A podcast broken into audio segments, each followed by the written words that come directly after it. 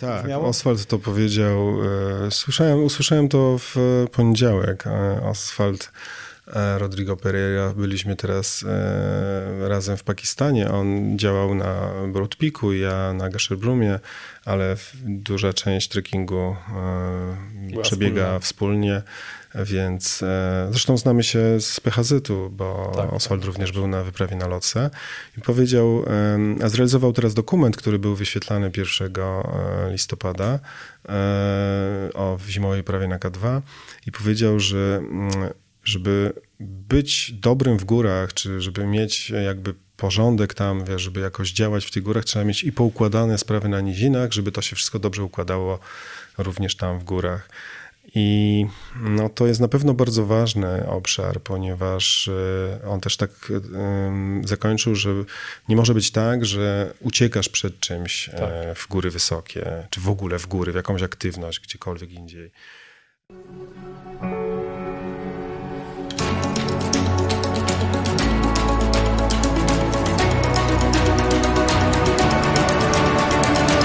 Nazywam się Grzegorz Pasuto i witam Cię w podcaście Mental w Górach. Audycji tworzonej dla osób pragnących poznać charakter i mentalność ludzi, zapisujących karty historii świata gór i sportu.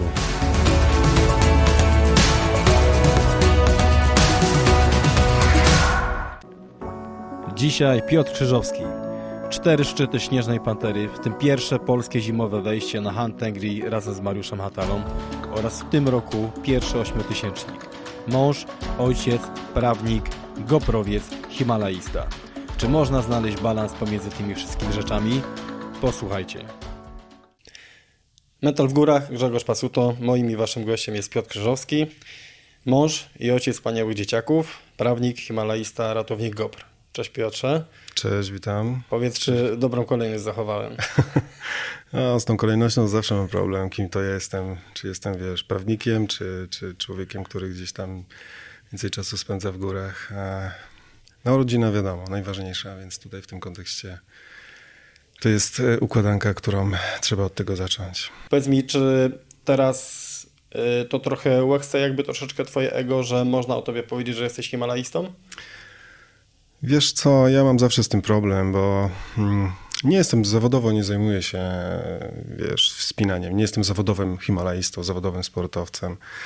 I jak e, jako młody człowiek, wiesz, czytałem jakieś książki o naszych zimowych, lodowych wojownikach, no to mm, takie pojęcie, wiesz, taka nomenklatura bycia himalaistą dla mnie jest czymś naprawdę wow. I to samo bycie w górach, bycie w Himalajach, bycie w Alpach, czy jesteś al- alpinistą, himalaistą przez to, no nie wiem. Działam w górach, e, wspinam się, dość dużo czasu spędzam, ale wydaje mi się, żeby tak o sobie wewnętrznie o tym tak, tak mówić, to chyba jeszcze muszę tam trochę Czyli pobyć. jeszcze- Czyli Tak jeszcze, musi, jeszcze musi parę rzeczy się wydarzyć. Ale jest Tak. coś takiego, że e, ja mam nadzieję inaczej. Byłem w Himalajach, natomiast no, nie mogę się powiedzieć himalaistą, bo nie byłem na 8000. Ty jakby już masz to w swoim wykazie. E, I na pewno to, co powiedziałeś, czytając wcześniej te pozycje książkowe, bo to jest dla nas inspiracja i tym się karmimy w dużej mierze. E, Pewnie wyczekiwałeś tego momentu też, e, że będziesz na tych 8000 i w pewien sposób jest to jednoznaczne, jeżeli ktoś był, osiągnął ten szczyt 8000, bo z reguły tak się mówi, ja się chcę sprawdzić, prawda? Nie wiem, jak mój organizm zareaguje na tych 8000. I oczywiście w arkanach można powiedzieć alpinizmu, jeden ośmiotysięcznik może to nie jest dużo, ale w takiej jakby e, swoim jakby postrzeganiu tego całego himalaizmu, nie mógłbyś siebie jakby tak już nazwać? Czy jest to dla Ciebie jeszcze taki opór, że musisz jeszcze na to zapracować? Wiesz co, y, są naprawdę bardzo różne postacie tego, tego y, himalaizmu, zdobywania tych gór.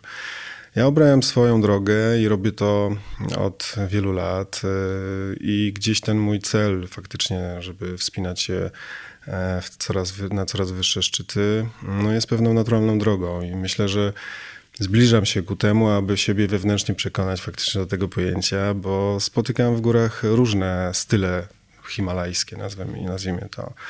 E, Wiesz, e, to u nas jest takie dość e, mocno rozpropagowane zdobywanie gór bez suplementacji tlenowej, bez wsparcia mm, farmakologicznego. To, się, to też inaczej wygląda w górach, więc wiesz, Dzisiaj mamy takie naprawdę e, mocne zderzenie z ludźmi, którzy tam przyjeżdżają komercyjnie, którzy też się mało o tym mówi, mają sztab ludzi do pomocy, którzy im noszą to wszystko, rozstawiają obozy, poręczują drogę.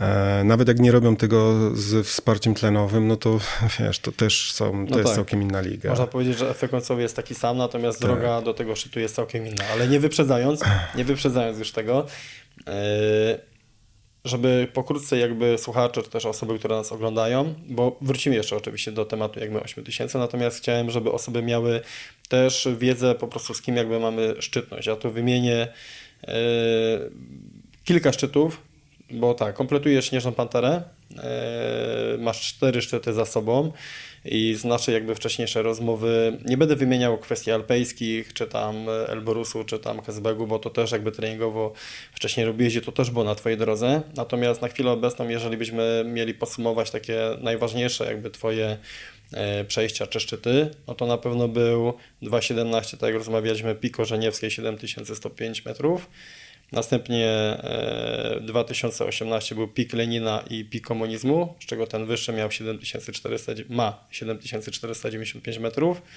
Następnie był zimowy Kantengri. Poprawnie, tak. czy, bo różne słyszałem wymowy. Niektórzy mówią Kantengri, niektórzy mówią Chantengri. Niektórzy mówią Hantengri, no więc no wiesz, nazw jest wiele. E, myślę, że wszyscy wiemy, o jakiej górze mówimy. Okej, okay, bo nie chciałbym tutaj popełnić, wiesz, lapsusu językowego. Tak. E, czyli zimowe jakby wejście, gdzie tak naprawdę też zostaliście docenieni w tym świadku jakby polskim alpinizmu i uważam, że to w ogóle jakby super sprawa. Potem była wyprawa na loce w ramach PHZ-u, no wyprawa, na której nie za dużo dało się urobić ze względu na jakby warunki, które tam były. E, następnie 2020 bodajże podjęliście próbę Lenina i w planach była pobieda. Niestety tak. tam wypadki jakby spowodowały, że, że jakby do tego nie doszło. I 2021, czyli ten rok, no to G2, czyli e, no pierwszy ośmiotysięcznik, 8035 metrów, tak? Tak, gaszy drogi. Okej, okay, czyli y, no, dla mnie, dla osoby, która e, troszeczkę działa w tym sporcie, no jest to jakby spory wykaz. Natomiast też e, chciałbym, żeby osoby, które to słuchają, już wiedziały, że ten wykaz gdzieś tam jakby jest pokaźny i przed tym ośmiotysięcznikiem tak naprawdę sporo przedtem się działo. Natomiast powiedz mi, i wrócę tutaj do Tima Groversa, e, odnośnie tego, co rozmawialiśmy też w dniu wczorajszym. Czy masz siebie, tak jak to właśnie Tim Groves mówi, za wymiatacza? Trudne pytania mi zadajesz, cenne, żebym sam siebie tutaj słuchaj, w jakiś sposób przedstawiać. Wiesz co, jestem zwyczajnym człowiekiem. Tak naprawdę e, to, co mnie wyróżnia, to chyba niezwyczajna pasja, bo wstaję rano, no może trochę wcześniej niż wszyscy inni, bo muszę zrobić trening, więc e, gdzieś, e, wiesz, o, o 5 nad ranem, e, po to, żeby o 8-9 być w pracy i siąść za biurkiem i Ogarniesz podejmować e, moje działania zawodowe, więc... Y, wiesz, trudno mi jakby samemu siebie oceniać. Wydaje mi się, że mm, to, co robię w połączeniu jeszcze z normalnym życiem, tak naprawdę, takim jak każdy z nas jej prowadzi, wiesz, praca, czy tam mm, obowiązki zawodowe, ale przede wszystkim rodzina, wychowanie dzieci, plus y, do tego trening, który pozwala mi e, na w miarę dobrym poziomie funkcjonować w tych górach wysokich, no to jest y, trudne, trudne wyzwanie, z którym e, myślę, że e, no nie jest łatwo sobie poradzić, więc jeżeli uznać to za bycie wymiataczem, no to może tutaj to pojęcie mogłabym, mogłabym do siebie dostosować. E, stwierdzenie wymiatacz albo domykacz, nie? Jeszcze było jedno jakby troszeczkę niżej, natomiast wymiatacz była to osoba, która typowo słucha swoich instynktów, słucha, jak on to tam określił, swoich bebechów, czyli to, co wychodzi jakby z wnętrza nas, natomiast domykacz był osobą troszeczkę bardziej analityczną, która bierze pod uwagę nie tylko to, co podpowiada instynkt, ale przepuszcza to poprzez analizę jakby własnego umysłu. Także dojdziemy po drodze, którym typem jesteś jakby ty. Ale finalnie mamy jakby tutaj przed sobą, czy ja mam przed sobą osobę, która e, gdzie chciałbym mieć to, co ty, w sensie jakby wykazu. Chciałbym też jakby przejść tą drogą. E, powiedz mi, efekt finalny, który jest dzisiaj, sięgając tak naprawdę wstecz ileś tam lat. Czy ty wiesz, e, kiedy to się zaczęło? A jakby dlaczego o to pytam? Bo pewnie osoby, które e, tak jak my często używają trenażeru czy różnych form treningu, e, czy mam nadzieję, że prowadzą teraz jakiś trening przykładowy i nas słuchają, często sobie zadają pytanie, kiedy ta osoba wiedziała, że tak naprawdę pójdzie w to na całego? Kiedy ona jakby już miała te cechy, które e, kierowały właśnie w kierunku gór wyższych? Czy był taki moment w Twoim życiu, że Ty powiedziałeś, ok, idę w to? Wiesz co, ja urodziłem się w górach. E, codziennie rano budziłem się i miałem przed e, sobą, ja to nazywam Fuji Beskidów, czyli Górę Pilsko która bardzo często mm, e, już w miesiącach e, w maju jeszcze była ośnieżona, można było jeździć na nartach, a tu wszędzie było zielono, więc to tak nieziemsko wyglądało. Ale znasz kwestię zakopańczyków, którzy e, Kasprowy widzą codziennie, tak. a w ogóle tam w życiu nie byli. I przez długi czas też tak było w moim życiu. Jakoś, wiesz, to, że mieszkałem w górach, że miałem je na wyciągnięcie ręki, nie było dla mnie czymś wyjątkowym. Myślę, że każdy z nas dorasta do tego, żeby e, zapuścić się w te góry. Wiesz, na początku pójść w szlak, e, wejść e, na, na, na oznaczone szlaki i, i w jakiś sposób cieszyć się tym pobytem tam. E, I myślę, że taka świadomość dopiero mm, gór u mnie się pojawiła, wiesz, w wieku szkoły średniej. Nawet mm. kiedyś odnalazłem książkę, słuchaj, którą sobie wtedy kupiłem. Jaka to była Nauka wspinaczki w weekendy. Taki obrazowy e, album, e, który pokazywał, wiesz, różne techniki i metody wspinania. Nigdy nie myślałem, że będę tak się mocno angażował w góry wysokie, w ogóle we wspinanie, bo to też, wiesz, było na początku bardzo mocnym aspektem mojego rozwoju. E, do momentu, kiedy faktycznie e, poznałem mojego pierwszego partnera wspinaczkowego, którego bardzo wiele się nauczyłem. Kto to był? A był Włodek Połeć, e, człowiek, który pracował w firmie razem z moją żoną. No jak go zobaczyłem, chłopa dwumetrowego i on też, wiesz, dawał radę i się wspinał i w ciągu trzech miesięcy zrobiliśmy progres, że ja od takiego laika, słuchaj, prowadziłem swoją pierwszą drogę Bo on już na zamarłej turni. tak, już tak, spinał się tak. wcześniej. A powiedz mi, e, żebyśmy mieli tutaj, bo pewnie osoby, które nas słuchają nie wiedzą. Wzrostu masz? Metr 88. E, waga? E, powiedzmy, e, w, sezonie startowym i poza. Wiesz co, ja mam teraz, jak wróciłem z wyprawy, to troszkę nadrobiłem swoje kilogramy, około 96 kilogramów. Jak wyjeżdżam na wyprawę, no to i wracam, to jestem minus 10, no tak to mhm. mniej więcej. Czyli jak chcecie góry Piotka, zabierają. Czyli trochę. te osoby, które słuchają, jak chcą zobaczyć Piotka, jak wygląda live, także wyrzućcie to na YouTube. tak. Nie, no bo to jest y, w pewnym sensie inaczej. No ten wzrost może być zawsze zaletą i też... Yy, znaczy tak, nie jest gwarantem nigdy przy spinaniu tak naprawdę pozytywnych efektów, bo też inaczej poruszają się osoby w skale, które są, e, mają długie ramiona, jakby wąski kościec, a znowu osoby, które są dużo, dużo mniejsze, spokojnie przechodzą jakby te same ściany inną techniką, tak, więc to nie jest żaden Każdy wypadku. znajdzie swój chwyt. Tak, ale masz to... tendencję do tycia? Wiesz co, ja przeszedłem dość długą drogę mm, z gościa, który ważył e, koło 120 kg. E, Ale czy to, było, czy to była żywa masa mięśniowa? To nie była masa mięśniowa. Jak, tak jak ci wspominałem w czasie naszej rozmowy, e, nie byłem aktywnym sportowo młodym człowiekiem. Czyli jak do, do szkoły średniej, tak naprawdę to było normalne życie nastolatka, czyli... Tak. To wiesz, to było funkcjonowanie... Czyli szeroko pojęta spożywka. Tak, tak. Ta świadomość dopiero gdzieś na studiach, e, kontakt z mhm. takim bardziej profesjonalnym sportem, z e, e, wiesz, z AZS-em, tam zacząłem trenować judo i takie, wiesz, bardziej systematyczne treningi, no i to faktycznie, jak zaczynasz wchodzić w taki cykl treningowy, twój organizm się tego po prostu domaga i, i chce, żebyś był aktywny. To jest taki, wiesz, mózg, Ale czułeś, że masz predyspozycję też, jakby, no bo w, faktycznie patrzę na uszy nieobdarte, jak na judokę. judokę. Wiesz co, no radziłem sobie, któreś tam miejsca na tych naszych potyczkach e, uniwersyteckich zajmowałem. To był krótki epizod, e, ale, ale dał mi bardzo dużo, bo to jest bardzo ogólnorozwojowa dyscyplina. Uważam, że każdy powinien gdzieś tam się zetknąć z jakąś formą sportu, sportu nawet kontaktowego, po to, żeby czuć się troszkę swobodniej. No ale można powiedzieć, że teraz mając 42 lata, bo nie jest to jakby tajemnicą, czyli tyle co ja, inaczej, moja przykładowo przygoda ze sportem była w wieku 14 lat, a tak jak ty mówisz, e, twoja przygoda zaczęła się później. I, e, i, czyli moment zaczęcia, jeżeli chodzi o góry, jeżeli chodzi przykładowo o tą formę aktywności, w żadnym wypadku nie, e, jakby nie pokazuje nam efektu końcowego, czyli jest możliwe zacząć późno i tak no, twoim przykładem po prostu dojść tam, gdzie jesteś. Nie?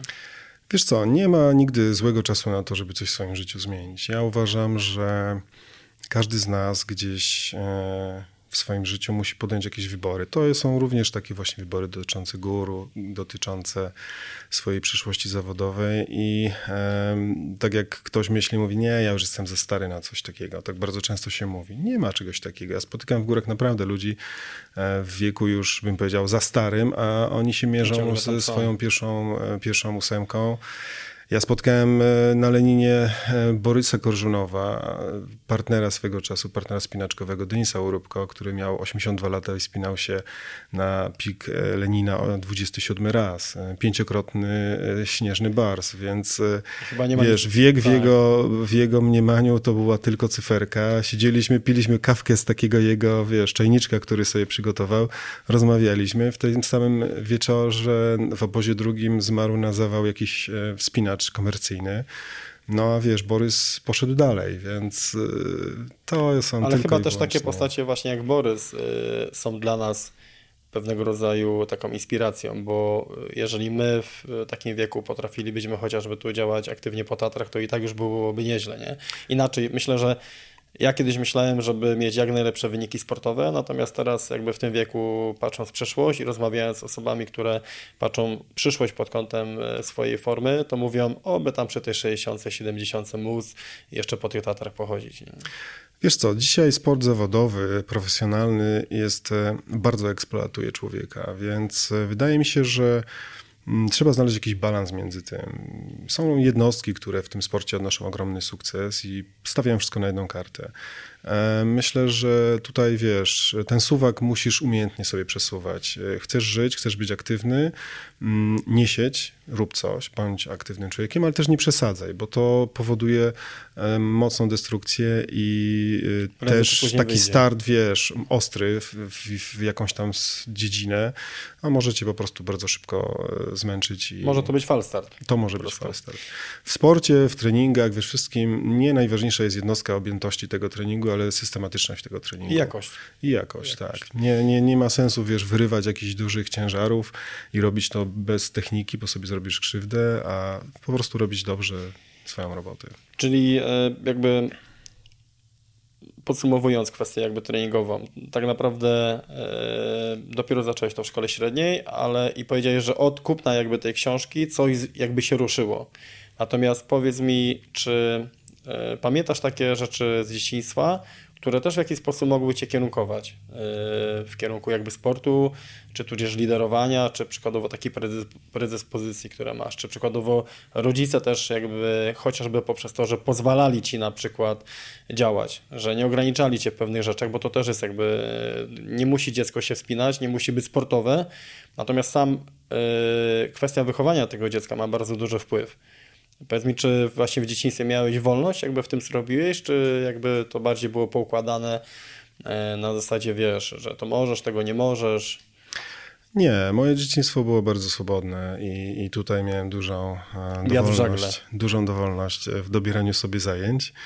E, mieszkałem na wsi, wychowałem się na wsi, pochodzę ze wsi, więc wiesz, aktywność mm, i w tamtych czasach, w których my obaj dorastaliśmy, nie było e, zjadaczy czasu typu telefony, Facebooki i inne rzeczy. Po prostu ten czas sobie organizowaliśmy w różnych bandach, wspinając się gdzieś tam na drzewa, robiąc jakieś bazy, domki i inne rzeczy, więc ta aktywność generalnie była ogólnorozwojowa. No, wszystko się tam gdzieś e, w taki sposób wydarzało, że rozwijaliśmy te swoje talenty, może nawet nie mając tej świadomości.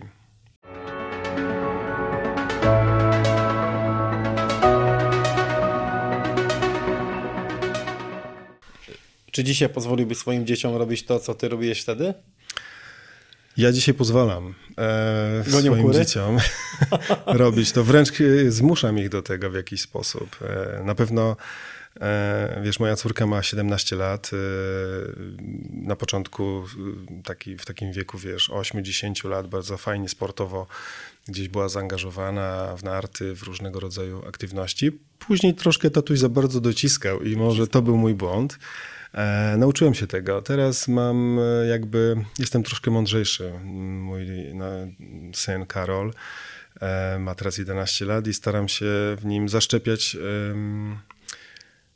chęć spróbowania różnych aktywności. Ja nie chciałbym, żeby moje dzieci w żaden sposób były, wiesz, na wysokim poziomie sportowym, takim mówimy pro, bo to jest bardzo to jest bardzo duże poświęcenie i, i, swoje życie trzeba tak naprawdę ukierunkować tylko w sport i nic więcej, ale chciałbym, żeby mm, faktycznie zetknęły się z różnymi formami i wybrały coś ciekawego dla siebie. A czy robisz to właśnie poprzez formę e, tego, co inspirujesz, jakby akcję statą na szlaku? Między innymi również e, w takiej formule. Bo jaka jest idea właśnie e, statą na szlaku? Znaczy dla mnie to jest to jakby jednoznaczne, natomiast to też wynikło z pewnej potrzeby, która w tobie była. Wiesz co, to wynikło mm, tak naprawdę z sytuacji, którą miałem w domu. Mój syn po prostu e, no, nie wiem, czy wpadł w jakieś uzależnienie, nazwijmy to, ale bardzo lubił spędzać czas, wiesz, e, przed e, telefonem, komputerem, tabletem, e, będąc w wirtualnym świecie. No, nie funkcjonujesz tak w życiu, bo ten wirtualny świat to jest tylko jakaś, jakaś taka ułuda. No i tak naprawdę chciałem znaleźć jakąś fajną formułę na spędzenie czasu wspólnie z synem i też pokazać wszystkim innym, których do tego projektu zapraszałem, żeby mm, poświęcili taki jeden weekend z dzieckiem, bo Rola ojca, szczególnie wiesz, w relacji ojciec-syn, to jest bardzo ważny aspekt wychowania. Jest tak zwana rola matki, jest rola ojca. Znaczy myślę, że jest to właśnie problem tożsamości i też wypada jakby tutaj myślę podkreślić, o czym wczoraj rozmawialiśmy. Ja, ja chociażby e, mówiłem o, o księdzu Pawłukiewiczu, który, który w tamtym roku jakby odszedł, e, który bardzo często w swoich kazaniach właśnie podkreślał tak ważną rolę mężczyzny w wychowaniu dziecka, inicjowania go, jakby wprowadzania w ten świat męski.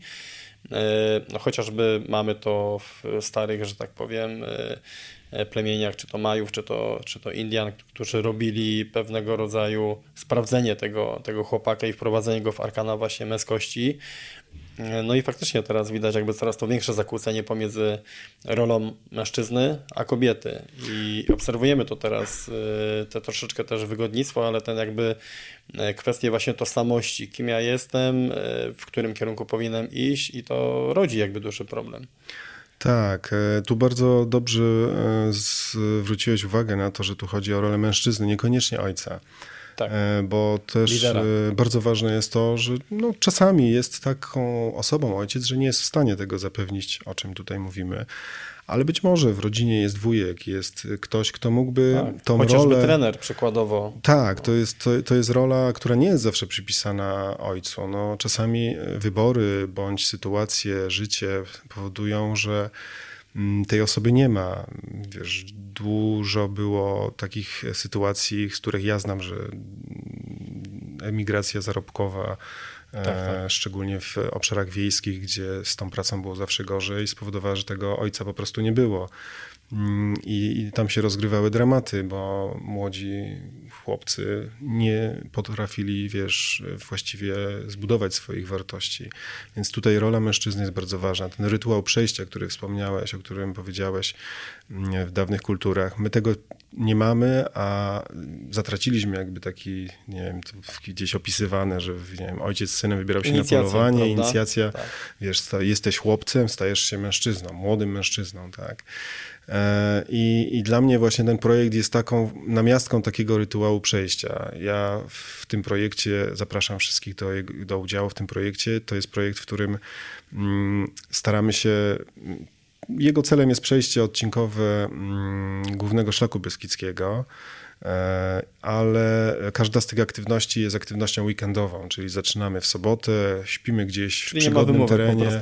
Nie, ma tak, nie szukamy, nie szukamy wiesz, noclegów w schronisku, zabieramy ze sobą namiot, zabieramy ze sobą kuchnię, gaz, żeby móc ewentualnie sobie przygotować posiłek e, i przez to też pokazujemy dziecku, że potrafimy o siebie zadbać, jak mamy o siebie zadbać. E, uczy się poprzez przebywanie w środowisku, w którym my coś robimy, czego nas kiedyś nauczyli, mężczyźni, niekoniecznie ojcowie, i staramy się to pokazać ludziom, staramy się naszym dzieciom, tak? Staramy się um, nauczyć czegoś w tym lesie, żeby ten las nie był czymś, czym się straszy, że w nocy w lesie grasują jakieś niebezpieczne zwierzęta, bo one tam są, ale one są bardziej przestraszone niż my. Ale to też tak jak mówisz Piotrze, że e, przepraszam, że ci przerwę, że uczymy jakby dziecko e, tego, by panowało przede wszystkim nad swoim strachem. Tak. Czyli nie, żeby strach panował nad nim i to oczywiście ta umiejętność panowania strachem, czyli jeżeli dziecko będzie oglądało osoby starsze, właśnie to co mówisz, niekoniecznie to musi być tata, bo jakby mądrością tego rodzica jest właśnie wzięcie to dziecko w otoczenie, w którym będzie, e, będzie ta wiedza, będzie po prostu, będą ci liderzy i wtedy to dziecko jakby umiejętność radzenia sobie ze strachem przeniesie także na inne strefy swojego życia. Tak, bo to jest, wiesz, e, pewnych rzeczy nie dostrzegamy, ale taka um, umiejętność poradzenia sobie w trudnej sytuacji, no to Kluczowa. wyciągasz to, słuchaj, w każdym e, momencie i, i, radzisz sobie, czy w pracy, czy w trudnej sytuacji osobistej. No, nie ma sytuacji bez wyjścia. Czasami dłużej musisz się nad tym zastanowić, ale zawsze coś znajdziesz. To nie jest tak, że staniesz przed ścianą i nie ma ruchu, tak? Czyli jeżeli ktoś, e, Piotrze, chciałby dołączyć do tego, to na Facebooku Statą na Szlaku, tak. poprzez jakby tą stronę kontakt z tobą i jest możliwość przykładowo zrealizowania jakiejś większej grupy, tak? Nie stanowi to Oczywiście, problemu. tak. Staram się zawsze informować o jakimś planowanym wyjściu, zapraszam ludzi do udziału. Wiesz, dzielę się swoją wiedzą, też y, pewnymi umiejętnościami, które nabyłem w GOPRze. E, mówię trochę o bezpieczeństwie, mówię o, trochę o pewnych zasadach funkcjonowania w górach, bo wydaje się, że taka prewencja jest najskuteczniejszym e, rozwiązaniem, aby uniknąć pewnych wydarzeń, wypadków, o których dość często później e, medialnie czytamy. Gdzieś ktoś sobie nie poradził w trudnej sytuacji, a wystarczyło mieć po prostu, nie wiem, aplikację ratunek bądź jakieś inne umiejętności. Mhm.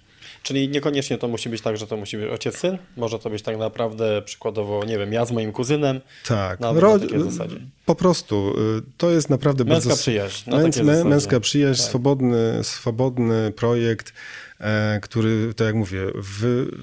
urósł z potrzeby mojej własnej, a myślę, że mógłby zrealizować e, wiele potrzeb e, innych osób, które zderzają się z podobnym problemem fajnie. To, to bardzo fajnie, jeżeli tak naprawdę inaczej widzisz tą potrzebę, e, dzielisz się jakby nią z innymi i fajnie, że z tego jakby całej twojej pasji i jakby z byciem też jakby w strukturach GoPro, no z tego wynika jakby coś dobrego, bo wtedy wiemy, że nie robimy e, czegoś tylko dla siebie.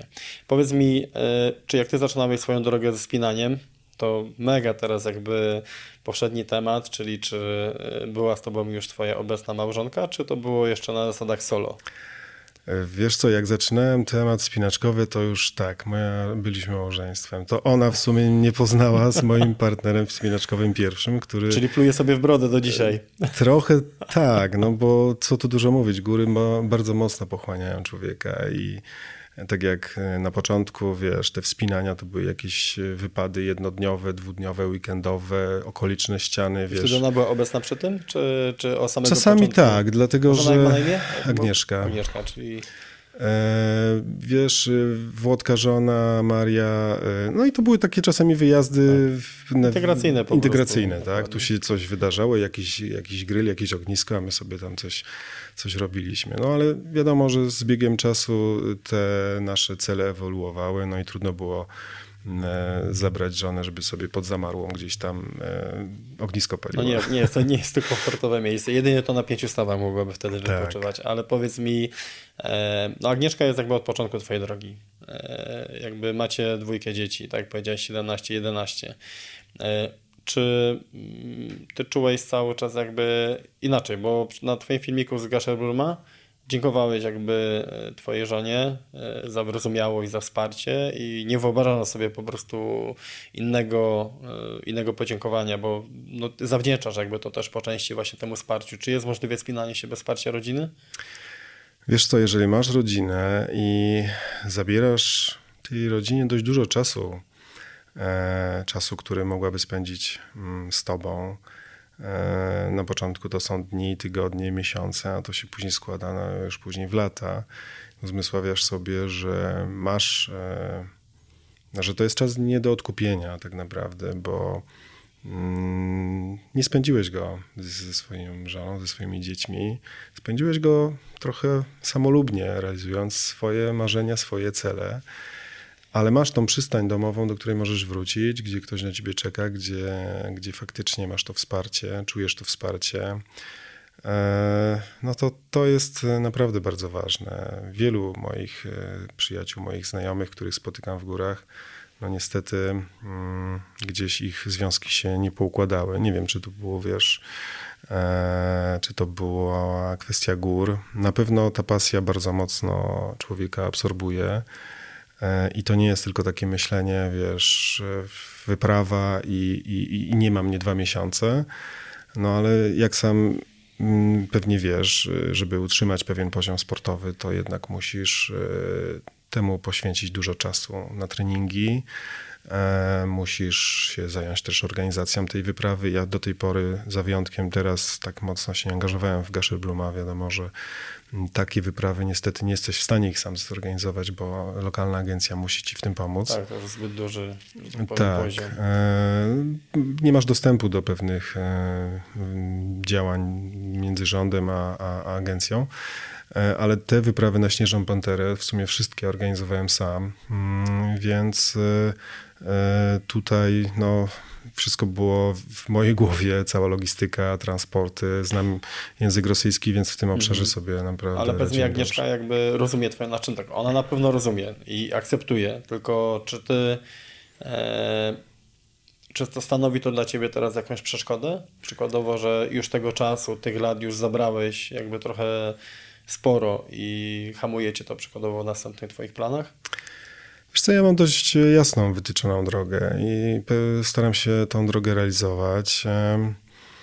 No nie jest to łatwe, żeby mm, znaleźć w domu taką pełną akceptację e, swoich planów, bo wiesz, e, zawsze chciałbyś zrobić trochę więcej. Tak, tak. Musisz znaleźć kompromis, musisz ten suwak e, w odpowiednim miejsce przesunąć żeby nie przesadzić, bo wtedy no, niestety możesz stracić. Wiesz co, poruszam, poruszam jakby ten temat, bo nawet czytałem w jednej z książce, nie przypomnę sobie teraz, y, nie przypomnę sobie teraz tytułu, ale była kwestia jednego z polskich Himalajstów, który, który on chyba nawet wchodził na Everest, który obiecał żonie, że to będzie ostatni szczyt. Finalnie nie jeździł już Himalaje i jakby finalnie umarł podczas spinaczki w Tatrach.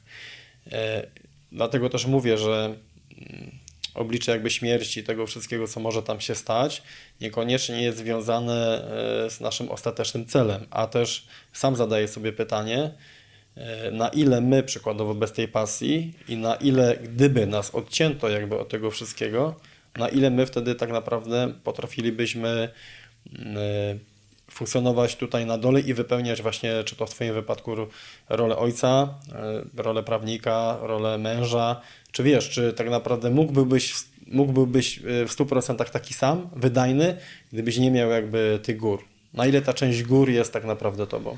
Gdybyś tam nie był, gdybyś ich nie widział, nie poczuł, nie doświadczył tego wszystkiego, co wiąże się ze wspinaniem, z, z tym, że przełamałeś swoje jakieś ograniczenia, że znalazłeś się w miejscach, o których no, nie wiem, czytałeś, marzyłeś, żeby zobaczyć, nie wiem, wschody, zachody słońca z najwyższych szczytów, to być może to jest do wykonania, ale jak już to wszystko przeżyłeś, to tak jakby ktoś wyciął ci fragment mózgu i kazał teraz, wiesz, zapomnieć o tym. To jest niemożliwe. I tak uczciwie mówiąc, jak ja na to patrzę, no góry bardzo mocno e, zaakcentowały swoją obecność w moim życiu i myślę, że mm, dopóki będę sprawny, dopóki będę miał e, możliwości fizyczne poruszać się w tych górach, to będę chciał w nich być. Jeżeli to się będzie wiązać z wyjazdami dłuższymi, no to będę musiał to w jakiś sposób połączyć. Nie widzę, nie widzę takiej możliwości, żeby dzisiaj powiedzieć nie, koniec, basta, to już Byłem, no widziałem jest, i, tak, i, tak, i, nie chcę. To są ciągłe jakieś, e, wiesz, e, może to jest jakaś, e, jakaś sytuacja takiego nienasycenia tym tematem, ale mm, będąc na jakiejś wyprawie, to obserwuję szczyty okoliczne, obserwuję kwestie, to już, już to się wydarza, że to już jest jakiś plan na kolejny jakiś cel, także to nie jest taki jednoodcinkowy serial, że gdzieś uderza. Natomiast Piotrze, bo powiedz mi, wczoraj jakby rozmawialiśmy, bardzo fajną sekwencję powiedziałeś e, odnośnie ułożenia pewnych spraw e, i chciałbym tutaj jeszcze ten temat jakby szybciej tylko rozwinąć, bo czy góry właśnie e, nie, u, jakby nie uwydatniają tego, czego nie mamy poukładane przykładowo tutaj na tych nizinach. Czyli jeżeli tutaj mamy coś nie tak, to w górach jakby podczas naszej obecności te rzeczy jeszcze w bardziej sposób będą wyeksponowane. Opowiedziałeś wczoraj taką fajną sekwencję, że też to usłyszałeś od kogoś, że jeżeli masz poukładane, to bodajże Oswald, tak? Jak tak, Oswald to powiedział. E, słyszałem, usłyszałem to w poniedziałek. Oswald e, Rodrigo Pereira. Byliśmy teraz razem w Pakistanie. On działał na Broad Peaku, ja na Gasherbrumie, ale duża część trekkingu przebiega wspólnie. wspólnie więc e, zresztą znamy się z PHZ-u, bo tak, Oswald tak, również tak. był na wyprawie na Lotse i powiedział, a zrealizował teraz dokument, który był wyświetlany 1 e, listopada e, o zimowej prawie na K2 i powiedział, że mm, żeby być dobrym w górach, czy żeby mieć jakby porządek tam, wiesz, żeby jakoś działać w tych górach, trzeba mieć i poukładane sprawy na nizinach, żeby to się wszystko dobrze układało również tam w górach. I no, to jest na pewno bardzo ważny obszar, ponieważ e, on też tak zakończył, że nie może być tak, że uciekasz przed czymś e, tak. w góry wysokie, czy w ogóle w góry, w jakąś aktywność, gdziekolwiek indziej. Że jeżeli tutaj masz e, jakiś pewien chaos, no to, to, to, to, to on będzie gdzieś za tobą podążać. I, I faktycznie tak jest. E, wiadomo, my się bardzo mocno koncentrujemy na swoim celu, ale szczególnie jak wyjeżdżasz w moim zespole. Ja najczęściej wspinałem się po prostu z partnerem w dwuosobowych zespołach, bo nawet jeżeli byliśmy na większej wyprawie, to zawsze byłem z, tylko i wyłącznie ze swoim partnerem, z którym gdzieś tam wspólnie działaliśmy. No i ta nasza e, relacja, e, ona jest, e, ona musi być bardzo szczera, musi być bardzo prawdziwa. My musimy o sobie wiele wiedzieć, my musimy ze sobą szczerze rozmawiać, bo moje życie, moje bezpieczeństwo jest w jego rękach, jego bezpieczeństwo jest w moich rękach. Jeżeli coś nam będzie zaprzątać głowę, jeżeli nie będziemy w pełni też szczerzy, jeżeli chodzi o pewne wydarzenia, no to coś się może wydarzyć złego. Więc tutaj na pewno, na pewno jadąc tam musi być, e, musisz mieć poukładane życie.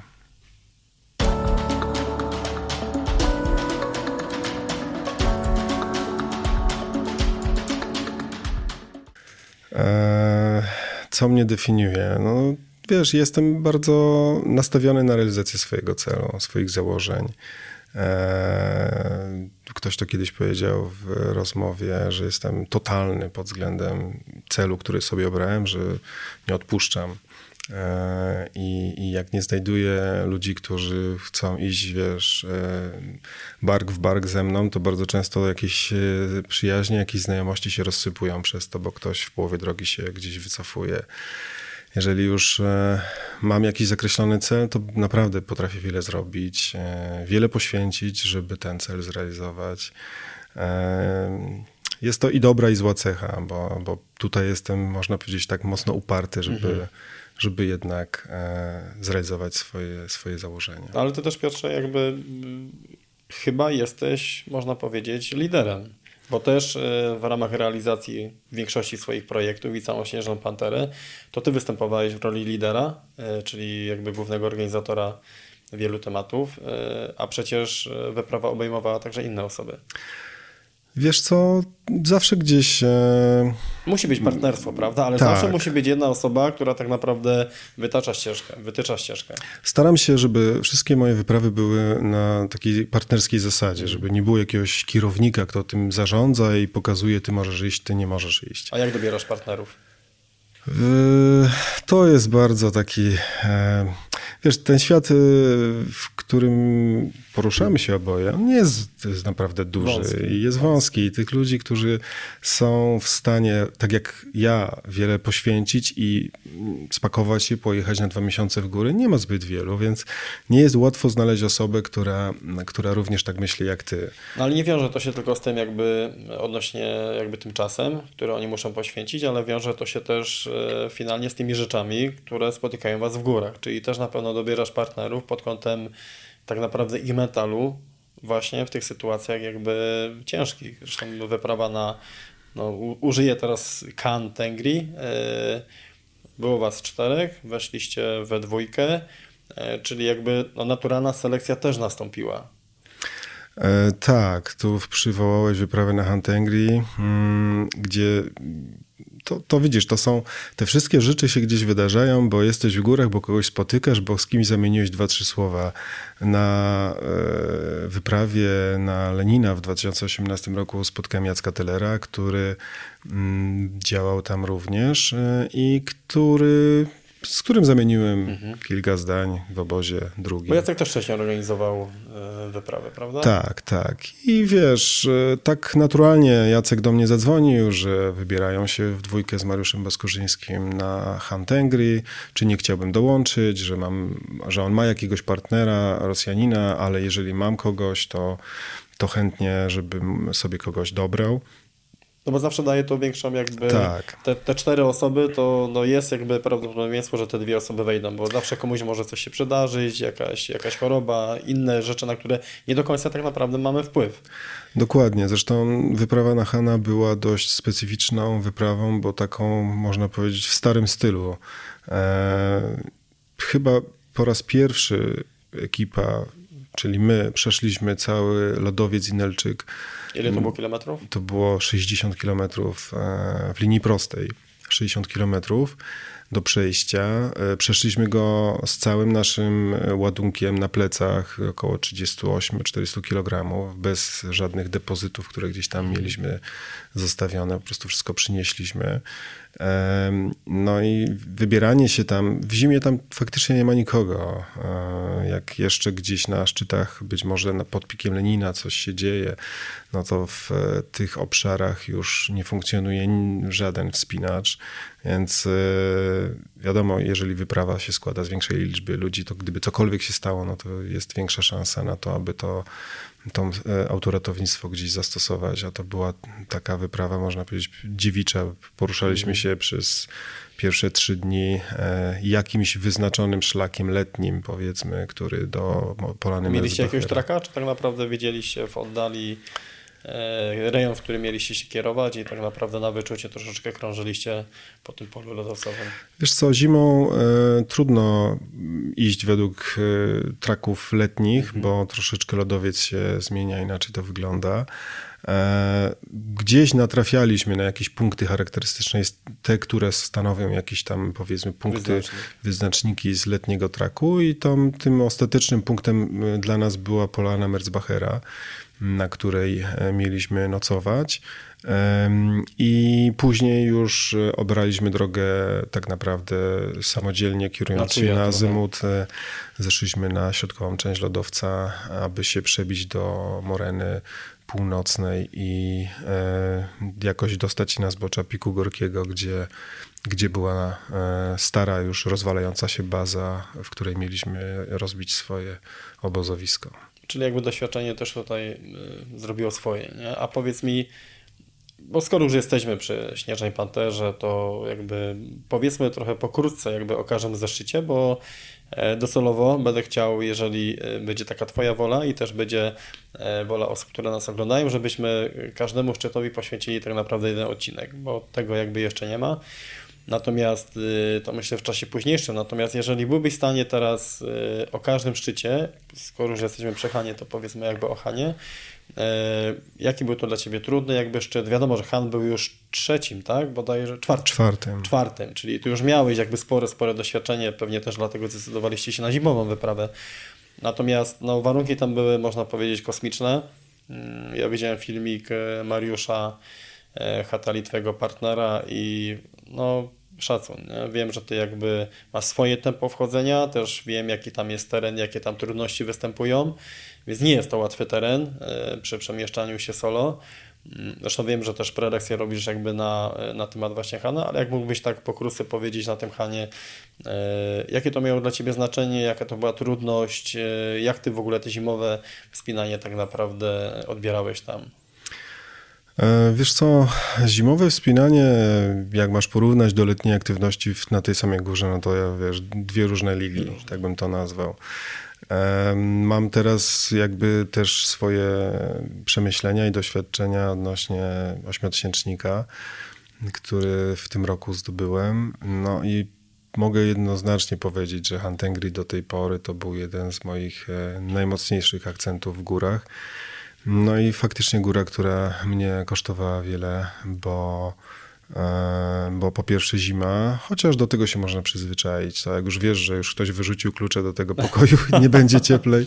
Ale to... zmienialiście także sprzęt, prawda? Docieplaliście śpiwory, kombinezony podchodzeniowe, wiem, że też jakby docieplaliście troszeczkę, czyli personalizacja sprzętu na zimę, a na lato też jest inna. Tak, ja, ja współpracuję z Bartkiem Małachowskim i tak mamy bardzo fajną e, relację i tworzymy pewne produkty na wyprawy, testujemy pewne rzeczy na wyprawy i można powiedzieć, że na Hana stworzyliśmy taki śpiwór, który faktycznie sobie świetnie poradził, również kombinezon, e, e, który, który tam został specjalnie na to przygotowany. Mm, także Wiadomo, e, ten sprzęt to jest jedyne, na czym możesz polegać oprócz partnera. To ja zawsze powtarzam, że góry to jest taki zero-jedynkowy świat, w którym no, nie ma telefonu do przyjaciela. nie ma drogi na skróty. Nie ma drogi na skróty, nie ma windy z boku, więc jeżeli e, nie masz umiejętności, jeżeli się w ogóle nie przygotowałeś, nie masz umiejętności i twój sprzęt nie jest odpowiedni, no to zagrażasz sam sobie, zagrażasz swojemu zdrowiu i życiu, więc e, to jest bardzo ważne. I ta świadomość tego, mm, ja też się tam nauczyłem tak naprawdę, że każdy gram się liczy, że teraz e, w, moim, e, w mojej szafie każda rzecz jest opisana, ile waży, jest Excel, który ma, mam wprowadzone te wszystkie rzeczy. i to, wiesz, robiąc wyprawę, wrzucam sobie Excela, dopisuję tylko, wiesz, liczbę pozycji, którą zabieram, wychodzi mi waga sprzętu, sprzętu. Prawdą jest, że y, nawet ucinaliście metki przykładowo z ciuchów, że eleofilizaty specjalnie przesypywaliście do jeszcze lżejszych jakby, y, że praktycznie na każdym elemencie, który był możliwy, czy to małe repiki gdzieś na namiocie, staraliście się oszczędzić. Tak, tak, to była prawda. A i tak mieliście, tak jak powiedziałeś, po 40 kg. No wiesz, idziesz na miesiąc akcji w górach, e, gdzie musisz zabrać ze sobą wszystko od y, spania, śpiworów, e, dwa namioty, palniki, gaz, jedzenie na ten czas. Mm, I faktycznie obcinaliśmy metki, zrywaliśmy z opakowań różne e, naklejki, napisy, obcinaliśmy te opakowania, żeby były jak najmniejsze. E, z, zrobiliśmy w ten tak. sposób ponad 600 gram, przynajmniej ja zrobiłem 600 gram tak. E, śmieci, które mogło, których się mogłem pozbyć. No to które były niepotrzebne, a dla porównania to jest tak, dla porównania to jest 6 posiłków liofilizowanych tak. po 100 gram, więc możesz sobie uzmysłowić, że masz po prostu prawie na tydzień jedzenia za darmo, tak? Więc e, sprzęt jest bardzo ważny. Tutaj nie ma co oszukiwać się. Jeżeli już jesteś na pewnym poziomie aktywności, to musisz mieć tego świadomość, jak dużo ważą twoje buty, twoje raki, e, jakiego możesz mieć, wiesz, kilka gram na każdym karabinku. No naprawdę to właśnie warto o tym myśleć. Powiem ci, że to jest takie troszeczkę fajne porównanie, ale automatycznie mi się nasuwa, że e, Wspinanie w górach wyższych, jeżeli to robisz w oparciu o własne siły, czyli jakby w małym stopniu polegasz na e, zewnętrznych podmiotach, które ci w tym pomagają, zmuszają ciebie do tego, że ty faktycznie sięgasz po najlepszy sprzęt, ale jeszcze ten najlepszy sprzęt jakby troszeczkę go przerabiasz pod siebie. I teraz porównam tutaj przykładowo z kwestią, którą pewnie jakby wszyscy widzą na zawodach, załóżmy, czy to triatlonowych, czy to rowerach, czy to na zawodach kolarskich, gdzie widzimy osoby, które mają super przykładowo e, lekkie rowery, a widzimy przykładowo, że nie popracowali nad sylwetką. E, nie chcę tutaj podchodzić zero-jedynkowo, ale faktycznie trzeba powiedzieć, że jakby to wspinanie w górach, alpinizm na wysokim poziomie, tam nie ma drogi na skróty. Tam ten przykładowo najlżejszy sprzęt też nic nie da, jeżeli twoja forma będzie niewystarczająca, jeżeli nie zrobiłeś tego zadania domowego, czyli to, co nawet mówiłeś, stajesz przed piątą, wykonujesz y, konkretne treningi, bo wiesz, że e, ta góra ci rozliczy z tego. Tak, tak. To jest y, tam, to jest bieg długodystansowy. Ja zawsze powtarzam, e, każda wyprawa to nie jest e, e, strzał, jeden, jeden strzał do góry i zejście. To cały proces aklimatyzacji. Ty musisz tak umiejętnie gospodarować swoimi zasobami, uzupełniać je. Wiadomo, że w górach to przyswajanie tego wszystkiego, zresztą co my tam jemy. Tak. E, teraz mam porównanie z ataku szczytowego, zresztą z, każdy z tych ataków, które do tej pory gdzieś dokonywałem, to było spalenie około 7-8 tysięcy kilokalorii nie jesteś w stanie zjeść 2000, to jest niemożliwe, więc jesteś na bilansie ujemnym, stąd też e, spadek wagi, ale to przede wszystkim mięśni, tych, których nie używasz w danym momencie, które nie są ci niezbędne. Ale zastanawiałeś się, jak to jest możliwe, że przykładowo e, idąc po kolei, aklimatyzując się do góry, e, wiesz, że jeżeli nie wypijesz w danym dniu danej ilości płynów, to jutro to aklimatyzacja nie będzie przebiegała e, dobrze, że jeżeli nie zjesz, a wiemy, że gotowanie na takie wysokości wymaga przede wszystkim dużo czasu i cierpliwości, bo ten śnieg topnieje się dużo wolniej, e, straty jakby energii tutaj występują i ty wiesz, że te 2 litry wody, niektórzy 3 przykładowo muszą wypić. I zobacz, mimo że dbamy o to na poszczególnych wysokościach, to i tak organizm w tym finalnym momencie jest w stanie po prostu pracować na tak potężnym długu kalorycznym i, i tlenowym. To jest właśnie też y, ten mental, nie? ta głowa, która jest tak naprawdę, że w tym decydującym momencie, nawet je, że ty masz właśnie wszystko dopięte na 100%, i to dopiero gwarantuje, że w tym finalnym momencie ty będziesz potrafił właśnie na tym ujemnym bilansie pojechać. E, odpowiadając na to, co powiedziałeś teraz, na to pytanie, mm, wiesz, ja w swojej aktywności górskiej starałem się nie pominąć żadnego etapu. Tak jak e, wcześniej o to zapytałeś, e, moje kontakt ze wspinaniem rozpoczął się od ściany na Mutnym na granicy Jeleśni. Mm, później były Tatry, później były Alpy, w międzyczasie różnego rodzaju tereny wspinaczkowe w Polsce. To wszystko pokazuje ci, uczy cię czytać swój organizm i to doświadczenie, które zbierasz w tym czasie, kiedy jesteś na takich wyprawach. E, później był Kaukaz, później były szczyty Śnieżnej Pantery. A właśnie powiedz o tym to Kaukazie, jest... jeżeli chodzi e, o, o Elbrus, i, bo tam e, spotkałeś się z tym, że ten twój organizm dosyć dobrze toleruje wysokość. Tak, zaraz do tego wrócę, tylko chciałem jeszcze dokończyć myśl. To jest, wiesz, taki proces, który cię uczy e, patrzeć na to, co mówi twój organizm i odpowiadać na, na, na to. To również jest taki proces, który możesz wykształcić tutaj w, w domu, jak trenujesz, gdzie możesz się doprowadzić do jakiejś tam ściany, żeby zobaczyć, jak to, jak tak. to wygląda. Żebyś wiedział, że jeżeli dochodzisz już do tej ściany, a jesteś 200-300 metrów przed szczytem, to może musisz podjąć decyzję, żeby się zawrócić bo może i wejdziesz na ten szczyt, ale już nie będziesz miał siły, żeby wrócić, bo to jest bardzo ważne. Dla mnie zawsze wspinanie się kończy w obozie, e, w basecampie, jak jestem bezpieczny i odpowiednie e, gospodarowanie swoimi zasobami to jest klucz każdego wspinania. Jeżeli tego nie, nie potrafisz zrobić, jeżeli tego nie będziesz e, czuł w swoim organizmie, to możesz popełnić kardynalny błąd i zostać w górach na zawsze. Czyli przesuwanie granicy tutaj na dole też jakby powoduje, że uczysz się, uczysz się tego, co ci mówi organizm. Powinniśmy prowokować organizm do tego, żeby wy, wy, wyrzucać go jakby ze strefy komfortu. Tak. A odpowiadając na pytanie o Kaukazie, to była moja pierwsza styczność z górami, nazwijmy to wyższymi tak. niż Alpy. E, I tutaj już sobie właśnie uświadomiłem, że, że, że dobrze sobie będę chyba radzić e, w tych górach, bo byłem w zespole tam czteroosobowym. E, założyliśmy na ten e, cel, czyli Kazbek i Elbrus dwa tygodnie. No, gdyby nie nasze luźne podejście do tego, to w tydzień byśmy to wszystko zrobili i pewne kwestie pogodowe.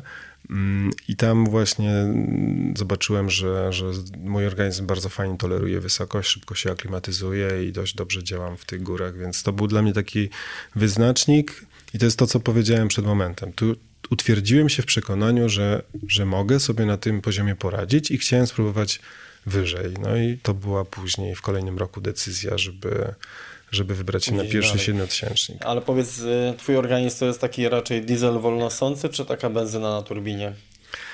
Wiesz co, ja y, bardzo umiejętnie staram się poruszać w górach, bo to co powiedziałem, to jest dla mnie długodystansowy bieg i sprinterzy dość często nie dobiegają do końca. Więc y, raczej powiedziałbym, że, że jestem takim dieslem, który jak obierze cel, to idzie jak ruski idzie. czołg.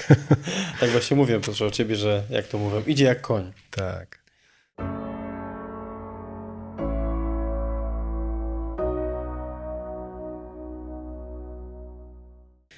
Okej, okay, więc y, zróbmy podsumowanie Changtengri.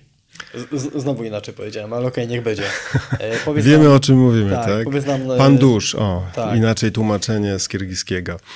E, wiesz co, Han, tak jak wspominałem, to wyprawa, którą można podzielić na dwa etapy, bo samo dojście do bazy było dla nas dużym wysiłkiem. Szliśmy przez 7 dni. E, wychodziliśmy bardzo wcześnie rano, praktycznie wiesz, e, jeszcze kiedy były ciemności, bo tak e, trzeba było robić. Ten dzień w styczniu jest krótki. Dochodziliśmy w ostatnich promieniach słońca, trzeba było się rozbić, trzeba było zacząć gotować. Nie mogłeś tych śpiworów wysuszyć. Mhm. Spaliśmy, wiesz, pierwszy dzień trekkingu przywitał nas temperaturą minus 27 stopni w jakiejś rzece lodowcowej. Przez trzy dni poruszaliśmy się tą rzeką, bo e, ściany były, słuchaj, tak wylodzone, że nie szło z niej wyjść. Po prostu po jakimś czasie dopiero znaleźliśmy jakiś e, po, troszkę połogi teren, gdzie można było stamtąd wyjść. A było słońce, czy... Wiesz co, było słońce, śniegu nie było zbyt dużo. Wcześniej mieliśmy logistykę przemieszczania się z tak zwanymi pulkami. Mhm. Nawet y, przywieźliśmy specjalne dyszle aluminiowe z Polski, takie sektorowe, które montowaliśmy. Tam na miejscu kupiliśmy bardzo mocne łopaty śnieżne, takie duże, no, po których skakaliśmy na tym targu w, w Karakol. E, więc wydawały się bardzo mocne. No, wytrzymały godzinę, słuchaj, e, więc to wszystko się posypało, musieliśmy się przepakować, wszystko wrzucić na, na własne barki. Ale było tyle śniegu w ogóle, że bylibyście w stanie to na pulkach e, dostarczyć, czy tak naprawdę teren taki miksowy? Wiesz co, ta zima, która nas tam zastała właśnie nie była zbyt śnieżną zimą, była bardzo, było bardzo mroźno, sypnęło tak śniegu jakieś 15-20 centymetrów, mm. także skały były widoczne, stąd też te pulki się porozsypywały. Oczywiście po, po trzech dniach już było byłoby lepiej, no ale cóż, my już ich nie mieliśmy. E, więc e, pierwsze trzy dni to, był, e, to było dojście tak zwanym, nazwijmy to szlakiem letnim, bo tak się mhm. troszkę kierowaliśmy na Polanę Merzbachera. Tam mieliśmy mm, możliwość, bo udało nam się załatwić, żeby nie zamknięto jednego z baraków, który jest na tej polanie. To taki stary barak z czterema pryczami. No i to był pierwszy taki fajny nocleg, e, gdzie nie musieliśmy się rozbijać i mogliśmy dociągnąć tak naprawdę do późnego wieczoru, bo już wiedzieliśmy, że tam dojdziemy i, i będzie dobre spanie. E, no na tej wyprawie trochę rzeczy nie poszło dobrze, bo w dwójkę mieliśmy, każdy z nas miał zabrać palnik awaryjny i wyszło tak, że ani ja nie zabrałem, ani Hati nie zabrał i e, nasz palnik uległ lekkiej awarii, także na cztery osoby mieliśmy jeden palnik. E, to też... Czyli kolejka do jedzenia była. Kolejka do gotowania, do jedzenia podjęliśmy decyzję, że śpimy, każdy ma, rozbija swój namiot, żeby ta kondensacja i, i to, to, wiesz, działanie na te nasze śpiwory było jak najmniejsze, więc to też e, trochę czasowo nas pochłaniało. No i tam bardzo ważna właśnie to, co wspominałem, e, kwestia sprzętu. Ten, e, ten śpiwór nie, był, nie byłeś w stanie go wysuszyć, więc koledzy, którzy mieli powiedzmy troszeczkę innej konstrukcji śpiwory, ja jestem dość wysoki, ja mam zawsze problem z tym, że dotykam stopami i głową ścian namiotu i przez to tam po prostu jest wilgotny ten puch i później zamarza. E, z Bartkiem Małachowskim e, zrobiliśmy taki śpiwór, który miał e, w sektorach dolnych i w sektorach górnych membranową, membranową tkaninę. I tak samo tutaj w sektorze przy, przy, przy ustach, więc jak wydychałem powietrze, to ten puch nie zamarzał. To było naprawdę bardzo widoczne, bo koledzy mieli po prostu bryły lodu. A Małachowski wykorzystuje to teraz w swojej produkcji? Tak, tak. Wykorzystuje przynajmniej wiem, że część osób e, prosi go o takie customowe doszycie mhm. tego. Korzysta z różnych takich patentów, które tam gdzieś e, wspólnie wypracowaliśmy. Bo jakby współpracujecie, prawda? Jakby tak. Ty szczególnie współpracujesz z Małachowskim. I ja mam zawsze taką nowe... wenę, wiesz, e, projektanta trochę i staram się doradzać, ale też Bartek bardzo fajnie do tego podchodzi, jest bardzo otwarty wiesz, pracownia mieści się 20 minut drogi od Bielska, mhm. więc y, mam możliwość po prostu na miejscu działania i, i, tworzenia naprawdę bardzo fajnych produktów, takich spersonalizowanych pod kątem, pod kątem wspinania. Zresztą Machowski to już tradycja, nie? jeżeli chodzi o tak naprawdę Himalaje. Tak, tak. E, naprawdę robi świetne rzeczy. Szczególnie teraz e, postawił mocno też na design. Trochę te rzeczy zostały odświeżone, odnowione i ma bardzo fajne, fajne kolekcje. Zresztą to jest po prostu dobra jakość. Dobry polski puch najwyższej jakości, dobre odszycie. To wszystko się wydarza tutaj u nas. To też jest dla mnie ważny ten aspekt. O tym może kiedyś będziemy mieli e, okazję porozmawiać, czyli to, co się wydarza w kontekście jakby produkcji tych wszystkich rzeczy. Taki aspekt społeczny przy, przy, przy outdoorze i tak dalej. To też chyba ważne, żeby wspierać jakby tutaj polskich nie, producentów. Tak. No ale wracając do Hana, po tych trzech dniach e, musieliśmy e, zmienić naszą drogę i zejść tak naprawdę w dziewiczy teren, wejść w centralną część lodowca, aby przemieszczać się i próbować wyjść na morenę północną tego lodowca, żeby dostać się na zbocza Piku Gorkiego, na których to zboczach jest stara, e, już taka rozlatująca się baza Tien Shan travel, która po prostu zsypuje się. Morena, cofnął się lodowiec, morena się mhm. osypuje i stare no, kiedyś budynki. kilka zabudowań było i one systematycznie... Tak, systematycznie poprzez... spadają. Został tam jeden budynek, ale słuchaj, wiesz jak to wyglądało. Szliśmy tam ileś dni i mijaliśmy różnego... Ten ostatni dzień, tak. rzekomo już dojście do, do, do właściwej bazy. Idziemy i słuchaj, mijamy jakieś rozsypujące się fragmenty budynków i myślimy, Boże, przecież tutaj nic nie ma, to wszystko jest całkowicie z, to jest destrukcja. tak? E, czy to jest to w ogóle, tak? Bo to też dla nas był dziewiczy teren, ja tam nie byłem. E, gdzieś tylko e, miałem informacje, mieliśmy informacje od rosyjskich spinaczy, od Siergieja Sylwestrowa, grupy piwcowa, którzy też robili zimową, zimowego Hana. Mm, na szczęście dotarliśmy, tak już e, widząc, wiesz, jakiś tam komin, okazało się, że to jest ten nasz barak, w którym e, mogliśmy się e, z tym naszym sprzętem rozłożyć. No i faktycznie ten nasz domek stał, inne już leciały na dół, ale sukcesywnie je tam gdzieś rozbieraliśmy, bo... Czyli z innych pozyskiwaliście drewno na to, żeby... Pozyskiwaliśmy drewno, żeby palić w takiej kozie, która była w tym naszym Wydajna ta koza była? Wiesz co, no koza była namiastką naprawdę czegoś fajnego. Bo Ale jak się już prostu... coś pewnie w środku paliło, to już to też na psychikę działa. To działa fajnie na psychikę, można było trochę więcej wody roztopić, żeby E, ją finalnie zagotować, no bo to nie służyło tak naprawdę do gotowania, ale to naprawdę, no, ogień to jest takie mityczne i, i prehistoryczne, tak, że, że jest ogień, który stanowi o jakimś e, namiastce domu, czy czegoś takiego, wokół czego się można skupiać. I cieplej na sercu od razu. Cieplej było. na sercu, także ten, ten barak to było nasze miejsce bytowania nas przez następnych kilka tygodni i nawet jak wiedzieliśmy, że wiesz, czeka nas jeszcze ileś tam godzin drogi z, z dwójki, bo nie rozbijaliśmy obozu pierwszego w mhm. klasycznym miejscu, gdzie stoi jedynka na lodowcu, tylko po prostu ciągnęliśmy na tą naszą morenę, bo wiedzieliśmy, że tam mamy jakikolwiek komfort, gdzie można się mm, po prostu e, przespać.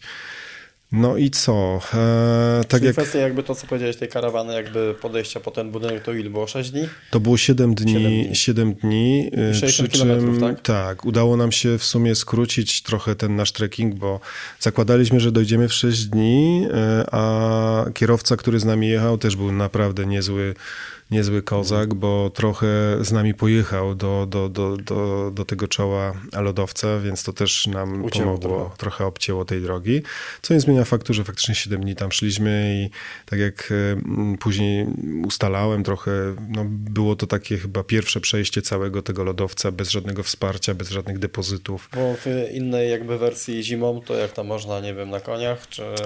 Wiesz co, zimą e, ekipa Rosjan e, przeszła też ten lodowiec, ale mieli depozyty z lata w mhm. różnych miejscach zostawione, więc szli troszkę Uwaga lżej.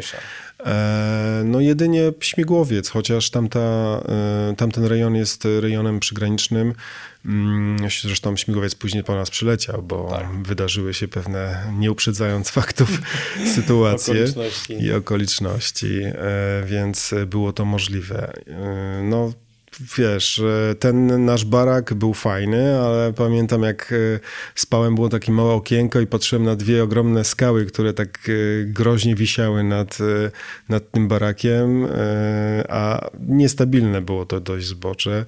E, finalnie zmieniłem sobie miejsce spania, przestawiłem głowę gdzieś indziej, żeby się tym tematem nie dręczyć. Ale jak lodowiec pracował, to, że tak powiem, ten domek skrzypiał, czy to było stabilnie? Wiesz co, domek był stabilny, aczkolwiek w pewnym momencie musieliśmy go troszkę poprawić, po, podstemplować podłogę z uwagi na to, że jak paliliśmy dość, no byliśmy tam przez kilka tygodni, to wytopiliśmy trochę lodu mhm. pod domkiem i on się jakby troszeczkę przełamał, więc e, był jeden dzień gospodarczy udokumentowany. Rejony zarządzone tak zwane. Tak, e, i, i zrobiliśmy małą pracę. Mm, no i co, kilka dni na, chyba dwa dni na rest i, i poszliśmy do góry na jakiś rekonesans. E, tak jak mówię, mm, droga, lodowiec, E, zimą. E, tego śniegu tam nie było zbyt dużo. Wydarzyło się kilka sytuacji, że ktoś wpadł do szczeliny. Na szczęście byliśmy, my z Hatim zawsze działamy według takiego swojego modelu, żeby jednak jak mamy sprzęt, który ma zabezpieczyć liny, no to nie nosimy ich w plecaku, po prostu tak. tego używamy. Tego mnie uczono w GOPRze, tego uczono Hatigo, Hatigo w wojsku. No więc e, to bezpieczeństwo własne jest bardzo ważne. Także Dużo śniegu pojawiło się w tym kotle. Tam przebicie się faktycznie do dwójki nas trochę kosztowało. Szczególnie... Dwójka była na jakiej wysokości? Dwójka była na wysokości 5100, e, 5200. Ta dwójka też e, była dość ruchoma. Pierwszy, pierwszy nocleg faktycznie spaliśmy e, w tak zwanym miejscu, gdzie ta dwójka mogła być klasycznie, ale drugi nocleg e, nie było szans. E, drugie, drugie wyjście, które mm, e, już było wyjściem do ataku szczytowego, Mm, to kolejna noc już w tej dwójce e, nie było szans, żeby się przespać. Musieliśmy zabrać depozyt i zejść kilka, chyba 100 metrów zeszliśmy niżej i spaliśmy w serakach gdzieś w szczelinach, zaporęczowani, żeby, żeby tam gdzieś nie polecieć, bo musieliśmy się osłonić od wiatru. Wiatr był niesamowity, kiedy, widziałem kiedy zdjęcia, weszliśmy. Zdjęcie z tego. Mam nadzieję, że uzyskamy zdjęcie właśnie z tej szczeliny, bo naprawdę wygląda to kozacko. Tak, tak. E, no szczególnie, że też e, ta droga, którą szliśmy od południa to jest tak zwana droga przez butelkę. Więc e, zagrożenie lawinowe z piku Czapajewa jest dość duże. Tam się kumuluje ogromne masy śniegu. Bo ogólnie Han jakby latem też jest uważany jako górę bardzo lawiniastą. Tak, tak. Zresztą tam latem zeszła jedna z większych lawin, porywająca ludzi praktycznie do obozu pierwszego. Tam zginęło dużo osób. E, Moje takie przemyślenia co do zimy, to można powiedzieć, że ta zima jest e, trochę bardziej stabilna. Poza tym, że faktycznie masz, e, masz takie niekomfortowe warunki, no bo jest bardzo zimno, jest mocny wiatr, e, ale do tego się jesteś w stanie przygotować i, i przyzwyczaić, to ten śnieg jest troszeczkę według mnie stabilniejszy. Jeżeli się coś wydarza, to się wydarza. Um, jest to bardziej przewidywalne, no bo faktycznie po tym opadzie Ale tak jak jeszcze powiedziałeś, że mm, znaczy inaczej, nie do końca się zgodzę jakby z tym, że można się przyzwyczaić, bo mając doświadczenie, oczywiście tak, natomiast dla normalnych ludzi, którzy, to co mówiliśmy wcześniej, nie wychodzą z pewnych stref komfortu, to dla nich przykładowo wiatr rzędu tam 40 km, 50 km na godzinę e, no jest po prostu przerażający, nie? Więc to też mi się wydaje, że ta właśnie odporność na te minusowe temperatury, zresztą w ogóle zima jest bardziej survivalowa jakby też chyba wymaga tutaj takiej większej twardości nie? ludzkiej. Wiesz co, no jak się decydujesz na, takie, na taką wyprawę, jeżeli decydujesz się na zimowe wspinanie, no to musisz e, tak. wiedzieć, z czym się to je, no tak mówiąc kolokwialnie, e, że jednak tam nie będzie miejsca, w którym się będziesz mógł ogrzać i gdzie sobie pójdziesz i i, i będzie ci ciepło. Tam po prostu, jak to gdzieś czytałem, ktoś po prostu wyrzucił kluczyk od ciepłego pokoju i wszędzie masz zimno, tak? E, I to, co mówisz, no mentalnie musisz być na to gotowy, tak. bo nie ma opcji, żebyś się stamtąd mógł szybko wydostać. No, powrót to jest 5-6 dni. E, więc e, jak sobie zdajesz sprawę z tego, że ten stan się nie zmieni, on może być tylko trochę gorszy, bo finalnie na szczycie zanotowana temperatura to było minus 46 stopni, plus wiatr, który po prostu potrafił cię przerzucić na linię, wiesz, na drugą stronę grani, więc mhm. miałem takie momenty, gdzie nie dało się oddychać. Po prostu głowę musiałem włożyć między skałę, bo ten napór wiatru był tak olbrzymi, że blokował ci możliwość zaciągnięcia oddechu. A powiedz mi, obóz trzeci był na wysokości Obóz trzeci na 5900 to jest taka klasyczna wysokość, gdzie w, przed taką ścianką, w takiej mhm. powiedzmy lekkiej szczelinie e, poprzecznej e, rozbija się obóz. E, my pierwszą noc właśnie przespaliśmy tam w namiocie, no ale to był bardzo niekomfortowy nocleg, bo tak jak mówię, minus 38 stopni. E, ogromna kondensacja, bo spaliśmy już w dwójkę, mm. więc wiesz, na, na, na śpiworze jakieś 2 cm szronu. Mm, to, to nie było zbyt, e, zbyt komfortowe, więc e, wykopałem, zacząłem tam kopać, bo podzieliliśmy się trochę pracą. Mariusz e, zajął się poręczowaniem wyjścia na przełęcz z kolegą, a ja z kolei kopałem jamę śnieżną, żeby ten komfort był lepszy. No i jak przespaliśmy drugą noc w jamie, no to wiesz, komfort minus 18, możliwość... Po... Tak, tak, możliwość pobierania śniegu ze ściany, e, to naprawdę czułem się tam, czułem się tam jak w pięciogwiazdkowym hotelu. Ile kopałeś tam jamę? E, wiesz, sam kopałem praktycznie cały dzień, bo dotarłem do lodu, musiałem to jakoś e, przepracować, skuć.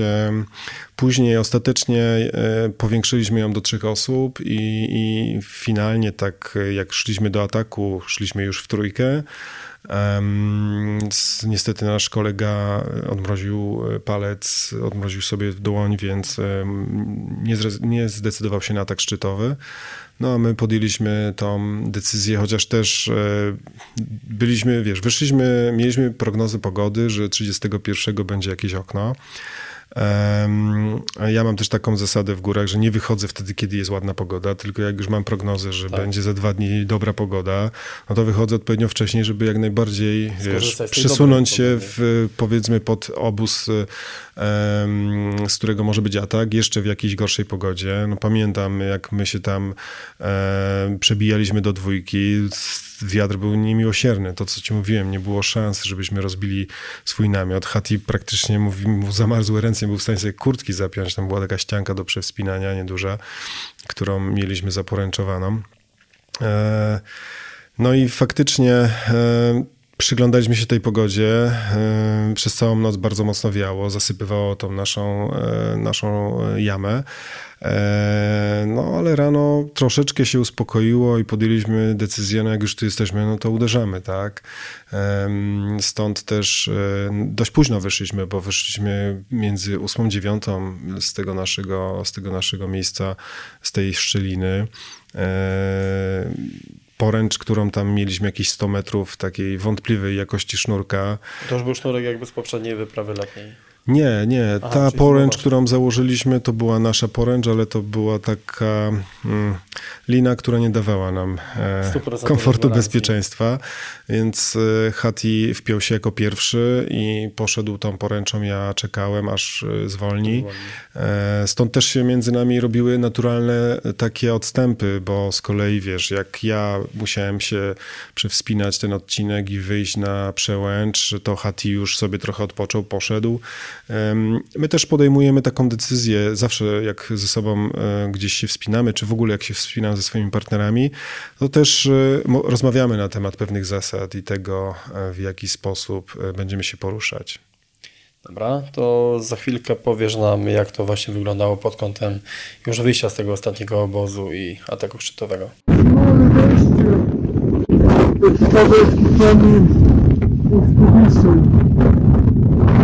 Podstawy pierwszy.